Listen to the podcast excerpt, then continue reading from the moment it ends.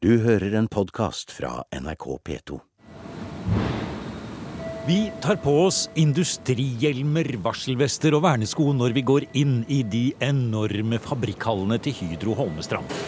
Her har de laget produkter av aluminium siden 1917. Da må vi stoppe her på hjørnet, så nå jobber de der, så kan ikke vi gå inn i det området hvor de jobber, og det er den veien vi skal. Det er maskinfører og hovedverneombud Kate Yvonne Skilbrei som skal lose oss trygt forbi tunge maskiner, kraner, valseverk og alt som hører til i døgnkontinuerlig tungindustri.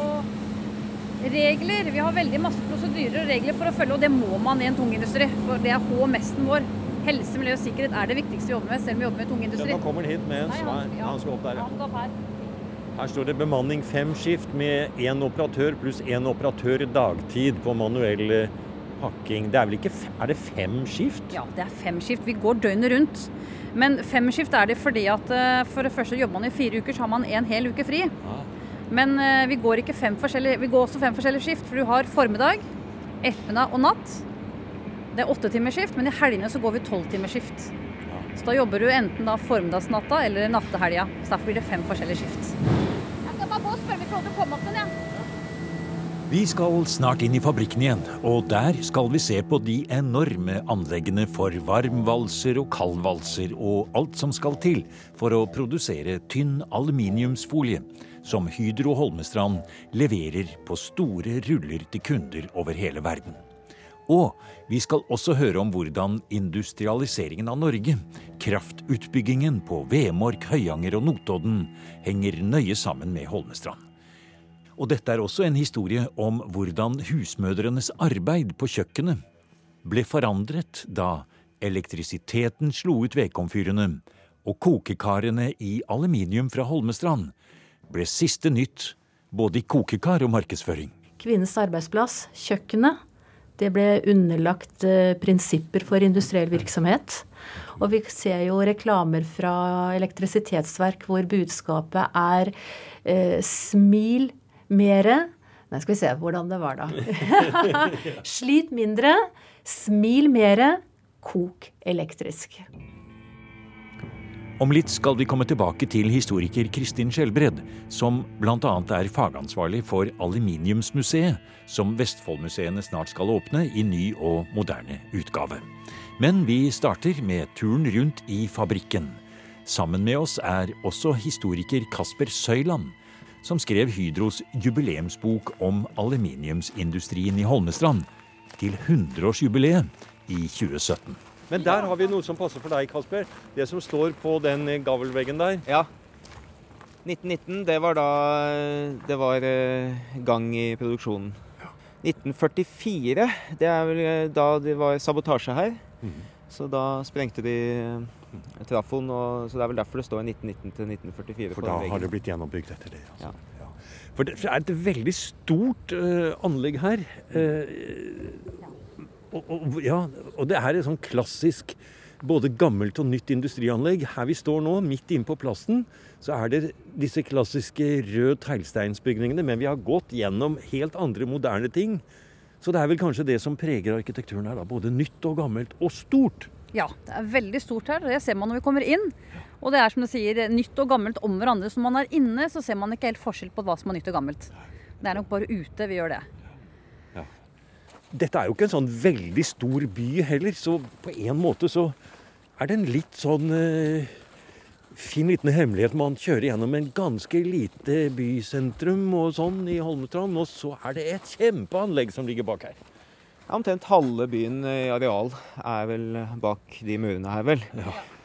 Og rett der så har du en bit av det gamle gjerdet. Der kom sabotørene gjennom i 44. Og det, eh, det, det kuttet de gjorde, det ser man faktisk fortsatt. Det er litt gøy. Da skal vi gå inn. Ja, det gjør vi. Vi gamle. Her Ja. kan dere få til å legge dere et utstyr hvis dere vil det. Det Ja. dere ikke ha med dere. Du fortalte litt om at du er fra en egentlig veldig spennende skal vi si, industrifamilie gjennom mange generasjoner. Ja. Og det med å jobbe i denne type litt sånn tyngre industri, det er jo nå ikke så vanlig lenger. Eh, Så hvordan føler du det, som er sånn mange generasjons industriarbeider, og, og som nå jobber her? Hva, Jeg syns det er kjempespennende. Jeg har jo jobba på maskin i åtte år, og så er jeg blitt hovedverneombud. Men eh, og jeg snakker med mine venninner, og jeg syns det er en utrolig spennende opplevelse å være med for det første å være med i den industrien og den historien vi har. Og det er spesielt mer gøy når vi lærer mer om historien. Og nå som vi har vært 100 år, vi har fått historien gjennom eh, boka vår. Og, og se hvor mine foreldre kommer fra, da, hvor de har jobba i, i Årdal først. Så kom jeg ned hit og så begynte jeg å jobbe her. Nå Ja, du, du sier fra Årdal, ja. Så, Ja. så din familie kommer fra, skal vi si, eh, kraftverksindustrien på Vestlandet, faktisk? da? ja, det gjør de. Det er min far som kom ned hit i 1969. Ja. Så da begynte han å jobbe her nede. Han ble overført fra, for Det var mer jobber her nede enn det var på Jårdal. Så da fikk de tilbud om det. Så både min, først kom min onkel, så kom min far, og så kom min tante etter det igjen. Så, så jeg har også en bror som har jobba i smelteverket eller på støperiet her over 25 år. Det var jo i 69. Det var jo da to år etter at eh, ÅSV, Årdal og Sunndal Verk, eh, tok over Nordisk, som denne fabrikken het. Så det med at dette er Hydro nå, det er jo da en ganske ny historie. Det var jo ÅSV som eide her fra 67 da Hydro tok over på midten av 80-tallet. Og før det så var det NACO, Norwegian Aluminium Company. Nå har vi jo, eh, Før vi går inn, skal jeg liksom bare vise litt av prosessen. Vi eh, har jo da masse skrap som vi får inn til fabrikken vår. For vi lager jo ikke aluminium her. Her resirkulerer alt aluminiumet. Så vi har laga et monter da, med å vise litt åssen skrap som vi får inn. ja, hva slags skrap er det? Det er aluminiumsskrap, da. Alt mulig. Jeg prøvde å vise litt med litt bilskilter og litt rekkverker og, og ja. Ja. Fra bygninger, tak og litt forskjellig. Takrenner og sånt nå. Det aluminium fins i mange ting. Det gjør det. Mye mer enn det folk tror. Ja. Absolutt. Og selvfølgelig så er det jo i eh, hermetikkbokser og ølbokser og Solo og Cola og alt som står rundt her. Ja. og bilskiltene og rekkverk. Og dette blir da kildesortert, og så kommer, eh, så kommer det hit. Det er kildesortert når du kommer hit. Og vi er jo det eneste verket i hele Norge som tar inn eh, aluminiumsbokser. Så vi får en ca. 6500 tonn boks hvert år. Så får vi også litt fra andre land. Dette er jo fra Skive i Danmark. Så har vi så klart vårt eget skrap, som også resirkuleres. Ja. Så blir sendt til vårt støperi, hvor de støper da disse blokkene, som blir lagd til koiler. Og så har vi det andre monteret her, så viser vi da litt av hva kundene våre lager. Den historien er jo veldig sentral her, da. At vi fikk til å gå over til å resirkulere aluminium på 90-tallet. Det var jo det som jeg sa, varmvalsen redda fabrikken, men det var jo det som sementerte fabrikkens fremtid i Hydro-systemet. Og der har det jo vært et sånt fyrtårn, da. Den spesialiseringen her, og det at man har nesten hele verdikjeden fra produksjon av metall, fra resirkulering, til produksjon av da halvfabrikata, som er ferdig lakkert. Eh, det er jo en veldig stor del av aluminiumverdikjeden, da. Som er på denne lille plassen, i dette bitte lille verket. I hydrosystemet er det bitte lite. Ja, I hydrosammenheng Hydros sammenheng så er vel vi en av de minste verka. Ja. Det som vi vinner på, er at vi lager spesialprodukter. Altså Vi har ikke noe lager av noen ting. Alt her er spesialbestilt fra kunden. Ja, her går det opp en ny dør, ja. Etterbehandling, står det. Å, her er svære trøkker høyt under taket. Glass, eh, eh, lyssjakter der oppe, sånn som det skal være i litt sånn eldre industribygg som hører med til den type arkitektur. Står vi i en av de eldste bygningene. Nå har vi den Utenfor her står det 1919 i hvert fall. Vi skal i den absolutt eldste bygningen etterpå, mm. men den er fra før denne fabrikkens tid. Fordi det lå nemlig en veldig eh, langt fremskreden, avansert teknologisk bedrift her. Som ble, opprettet, eh, som ble etablert i 1916. Og det var eh, AS Sveiseverkstedet. Og den kompetansen som de hadde, det var altså tror jeg, en av de viktigste årsakene til at nordisk aluminiumindustri ble lagt hit. De var avhengig av den kompetansen for å få til det de ville, og det var å, å videreforedle i aluminium. Det var altså bare AS Sveiseverkstedet som hadde patent eller lisens på å sveise i aluminium i Norge på den tiden. Så vi, etterpå så skal vi inn i de lokalene så, som eh, AS Sveiseverksted, som da ble tatt opp, fusjonerte til en viss grad. Altså De hadde noe som het Laboratoriet, et, datterselskap, som fusjonerte inn i, i Nordisk og ble veldig viktig for at de klarte å lage verdens første aluminiumhermetikk. Der begynte eventyret. Der begynte eventyret. Ja, ok, da går vi videre, vi. Ja. ja, her ja. Nå peker du. Vi går på en sånn gul markering. Som, eh, og her må vi gå akkurat der, og det er markert tydelig opp. For her er sikkerhet viktig. Og gangfelt med grønne striper, det betyr her kan komme både kran og trøkk. Gangfelt som er bare grønne, der er du helt trygg. Så det er litt for å vise. Her henger det kraner. Nå var det en som gikk inn i kjørebua si der borte. Ja. Fordi han har rigga til noe her ute først, som vi så han gjorde. Nå står han der inne og styrer maskinene som er like utenfor. Det er sånn det er nå. Ja. Hun kjører nå kran. Hun skal jo flytte denne coilen. Så hun Der ser jeg det kommer en dame, ja. Ja, det er en dame. Eh, vi har eh, jeg tror det er 11% damer vi har i tungindustrien. Det skulle vært så mye mye mer, for det, det heter tungindustri, men det er ikke tungt å jobbe her. For alt er så tungt at man må kjøre kran eller trøkk uansett hva man løfter på. Ja. Så det er ikke, en, det er ikke et tungt Det, det, sted å jobbe. det er tyngre løft på et sykehus kanskje enn der. Absolutt mye tyngre løft på sykehus, og alle mine venninner der eh, jobber Ja. som i hjemmetjenesten. Ja. Og de har mye mye tøffere jobb enn det vi har, altså. Det som er tungt, er jo det at det er femskift. At de jobber natt, natta. Det går nesten helt ned til vinduene der nede. Og så går nesten helt ned til vinduet der nede går denne maskina. Nå skal vi inn i kjørebua, så skal du få lov til å prate, for nå kommer en kord som skal, eller en blokk som skal valses. Da får du se på noe som er ganske spennende, og da kan vi spørre ham hvor lang denne hallen er. Ja, ja. Hvis du ser nå, så kommer en blokk ut av den svære ovnen her borte. Legger seg på dette rullebordet. Inni den ovnen der sånn, så står det 23 blokker. Lina opp. Den varmes opp til sånn ca. 550 grader. Og det som er morsomt, er smeltepunkt fra aluminium er jo 660. Så her er jo varmvannslinja. For her valser vi det mens de er veldig varme. Så opp der, vi, tenker jeg.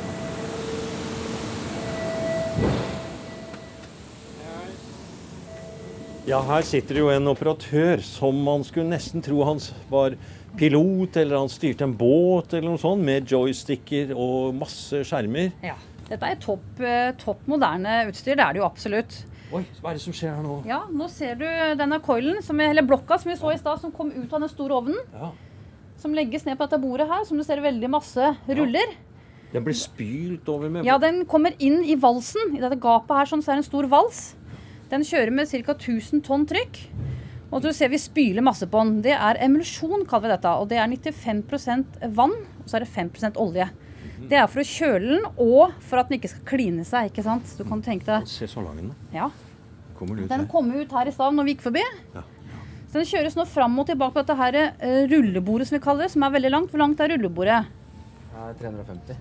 350 meter langt. 350 meter? Er, Ja. er, det så, er hallen så lang? Ja. Ja, det må være noen hundre meter lang. ja.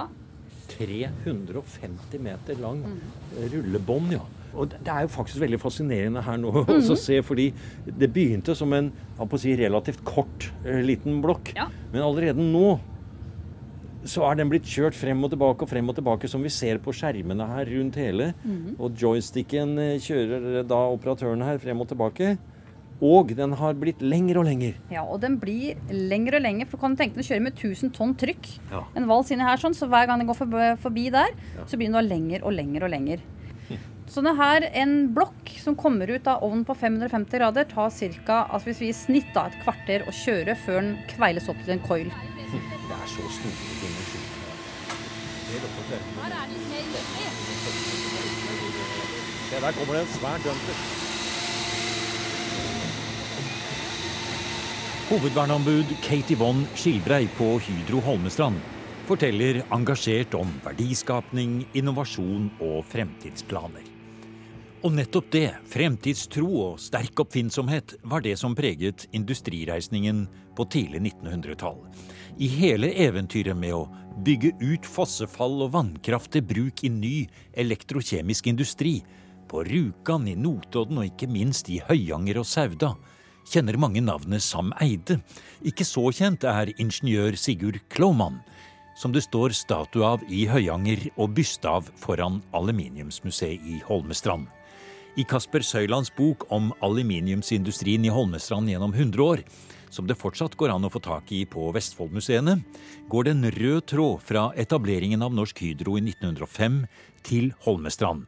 Ikke direkte, men ved en mengde knoppskyting i konkurrerende industrimiljøer og nytenkning rundt alt som hadde med elektrisitet og industri å gjøre.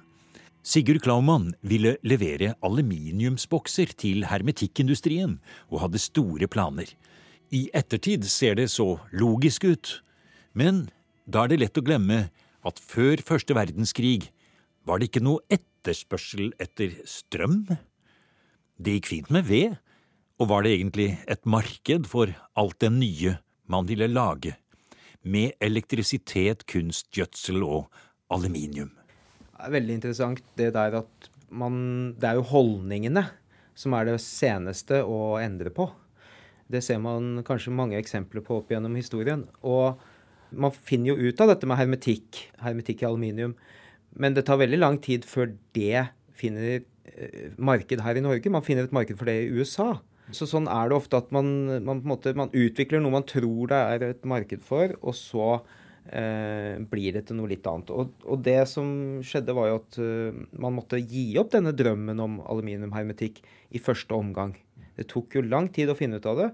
Og da havner industrien her i Holmestrand. Hvorfor valgte de dette stedet her, Holmestrand? Ja, det er jo et interessant spørsmål. Og det var jo gjenstand for mye debatt innad i eh, styret. Det skulle ligge i Stavanger. De hadde innkjøpt uh, fabrikktomt der uh, og det hele. Og de samarbeidet jo der med uh, et selskap som drev med hermetikkmaterialer. Og de utviklet hermetikkmaterialer, men de fikk det ikke helt til. Så dermed så, så man jo mot kjøkkentøy. Og kjøkkentøy var på en måte plan B mm. på mange måter. Og når det var snakk om kjøkkentøy, eh, så måtte man knytte til seg de miljøene som fantes på aluminium i Norge. For det var ingen andre som drev med kjøkkentøy. Mm. Så man måtte da eh, se etter noe kompetanse og innlede et samarbeid med de. Og han som var med å la Rørgaten opp i Høyanger, Toksen Abel, han jobbet på laboratoriet her i Holmestrand. Og var nok blant de som altså hadde en veldig stor innflytelse på at bedriften ble lagt hit. Og i tillegg så hadde Holmestrand nødvendig infrastruktur. Med et veinett, med jernbane, med veldig gode havneforhold, hvor altså aluminiumbarer fra Høyanger kunne komme hit med båt. Høyang Polaris samarbeid med konkurrenten Illovan på den andre siden av fjorden. Mange forskjellige produkter i aluminium. En stor og lang industrihistorie i mange år, både før og etter krigen, i det som da het Nordisk aluminiumsindustri, og lenge før de store fusjonene med Årdal Sundal Verk og senere Norsk Hydro. Historiker Kristin Skjelbred ved Vestfoldmuseene er ansvarlig for å presentere hele denne historien i det nye aluminiumsmuseet, som skal åpne i løpet av 2019. Aluminiumshistorien henger nøye sammen med den store moderniseringen og industrialiseringen av Norge, sier hun. Også innenfor husets fire vegger. En veldig stor endring, og veldig sammen med et veldig fokus på kvinnens arbeidsplass. Kvinnens arbeidsplass, kjøkkenet, det ble underlagt eh, prinsipper for industriell virksomhet. Altså det effektivitet, det var stikkordet. Og kvinnen hun eh, skulle også ha overskudd til å ta vare på familien sin på andre måter enn bare å stå på kjøkkenet. Og vi ser jo reklamer fra elektrisitetsverk hvor budskapet er eh, smil mere. Nei, skal vi se hvordan det var, da. Slit mindre, smil mere, kok elektrisk. Det som er spesielt med denne bedriften i Holmestrand, det var at de var både en ferdigvareprodusent og en halvfabrikata-produsent. Og rondellene som er utgangspunkt for kasserolleproduksjonen, de ble laget her i Holmestrand. Og Ilovan, f.eks., den største konkurrenten, var samtidig kunde av Nordisk. Så for bedriften her i Holmestrand så var det vanskelig å vite hva skal vi satse på, halvfabrikata eller ferdigvare. Men det var prestisje knyttet til eh, varemerket Høyang. Og de inngikk et samarbeid, eh, disse to bedriftene. Men Nordisk de valgte å satse da på tykkbundet kjøkkentøy beregnet for elektriske komfyrer. Og da var størrelsen De var tilpasset eh, størrelsen på kokeplatene. De tre kokeplatene som, eh, som eh, de første elektriske komfyrene hadde. Og det er jo litt spennende at du trekker frem konkurrenten her nå, til eh, Høyang, ikke sant, på den andre siden av fjorden. Vi er nå i Vestfold. Det du forteller om, den fabrikken flytter etter hvert til Moss. Eh, men de får altså råstoffet sitt herfra. Ja, det er det de gjør. De får, får materialene Ja. herfra. Ja. Mm. Så det er et eh, ganske komplisert, men de, de samarbeider om eh, hvordan få dette her best eh, mulig til. Og når eh, de har så stor suksess med denne skjenkekjelen, så følger faktisk Nordisk opp og ansetter gullsmeddesigner Oskar Sørensen, som også bidro til veldig, veldig mye av kjøkkentøyproduksjonen her. Og så sent som i 1971 eller var det 67, så får altså Nordisk her designpris for god design, og da er det Oskar Sørensen som har eh, stått for eh, et kasserollesett som de fleste vil kjenne igjen. Men det som kjennetegner de kasserollesettene, det er at de får farve, de får eh, teflon. Og det som vi kanskje ser, er at aluminium, det forsvinner. Det blir gjort usynlig. Og nå kommer stålprodusentene. De er en eh, ja, De legger grunnen for at aluminium som råvare for kjøkkentøyproduksjonen, det svekkes betraktelig. Og, Og emaljert jern. og Og sånn. emaljert jern, ja. Mm. Altså I løpet av mellomkrigstiden så vokser det fra en uh, bitte liten bedrift til, uh, altså, til å bli et stort nettverk av, uh, av datterselskaper i Sverige og Danmark. Og eh, har jo stor suksess. Både med kjøkkentøyproduksjonen, som eh, blir nevnt her, men også hermetikkmaterialene. Og hermetikk eh, går til aluminiumpakket hermetikk går til da, til USA. Så de, krig, ved krigsutbruddet så er jo dette en veldig fremadrettet og, og suksessrik. Hvor mange som jobber her, vet jeg ikke helt. Men det, går veldig bra i 1939. Og det er til og med snakk om da å etablere en norsk jagerflyindustri. hvor eh, Klaumann er en av pådriverne for å få til det. Da er planen at eh, selve Duralen, duraluminiumen, den skal produseres i Holmestrand. Grovpresses deler, som skal da videre bearbeides eh, ved Kjeller flyfabrikk. Settes sammen til norske jagerfly etter modell fra et amerikansk jagerfly. Og det er man altså da kommet så langt med at man har lagt av aluminium til to års forbruk når krigsutbruddet kommer. Dette er et hastevedtak i Stortinget. Og For denne tiden så er jo dette med fly, og i hvert fall brukt i militær sammenheng, det er jo noe relativt nytt. Selv om vi vet at The Battle of Britain og sånn, som blir vunnet med fly, det jo en, har jo ikke ennå skjedd. Så på slutten av 30-tallet så er jo det veldig moderne tenkning, da. Dette er veldig moderne. Å gå inn i den industrien der, det var nok en drøm for Klaumann, tror jeg. Det var noe som han hadde tenkt på lenge. For han var veldig oppdatert på sånne ting som, for, som forsto hvordan aluminiumindustrien for, for, hvordan det foregikk. Og eh, det blir jo avgjørende også når tyskerne da kommer hit. Så er Nordisk i Holmestrand den første bedriften, første industribedriften som blir satt under eh, tysk styre. Tyskerne er her faktisk to dager etter invasjonen. Eh, Koppenberg med følge drar jo rundt for å inspisere alle, alle aluminiumverkene, og da drar de hit først. Og det er for å se på Da har man allerede fått opp en produksjonslinje på duraluminium, altså halvfabrikata til flyproduksjon. Og det er jo noe tyskerne har desperat behov for. Men eh, det viste seg jo ikke være så lett, da. Og mye pga. det man kaller stille sabotasje og, og motarbeiding fra gutta på gulvet. Men også mye pga. at den tyske flyindustrien hadde ekstremt eh, store presisjonskrav. Så det å valse så tyngt, tynt og jevnt som den tyske flyindustrien krevde, det viste seg at de brukte tre år på å få til. Men når de fikk det til, så klarte de å levere dobbelt så mye i måneden som det tyskerne opprinnelig hadde krevd. Så det var bakgrunnen for at det da ble, kom til en sabotasjeaksjon her, som kommunistene sto bak i 1944. Har det da med andre ord vært eh, aluminium fra Holmestrand i de tyske Messerschmitt-flyene? absolutt. Det har, det har nok vært. Så det ble jo da videre presset ved en annen, altså en, en datterbedrift av Nordisk i, i, Danmark, som da, på skive, som da hadde lagt om sin produksjon til, til å produsere for Luftwaffe. Så, alle, så, det var jo et av ankepunktene mot Klaumann og, og, Nordisk og Naco etter krigen. Det var at de ikke bare leverte til tyskerne med stor iver, men de, et, de, de videreforedlet også da, i, i Danmark.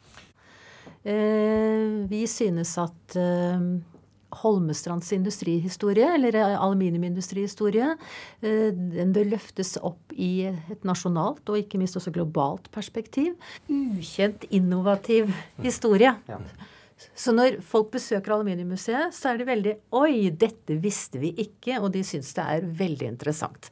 Fordi det forteller om deres nærmeste fortid, og ikke minst også fordi de drar så kjensel på nettopp gjenstandene fra Holmestrand. Ta den en gang til. Hva var det jeg sa? Slit mindre. Smil mere. Kok elektrisk. Du har hørt en podkast fra NRK P2.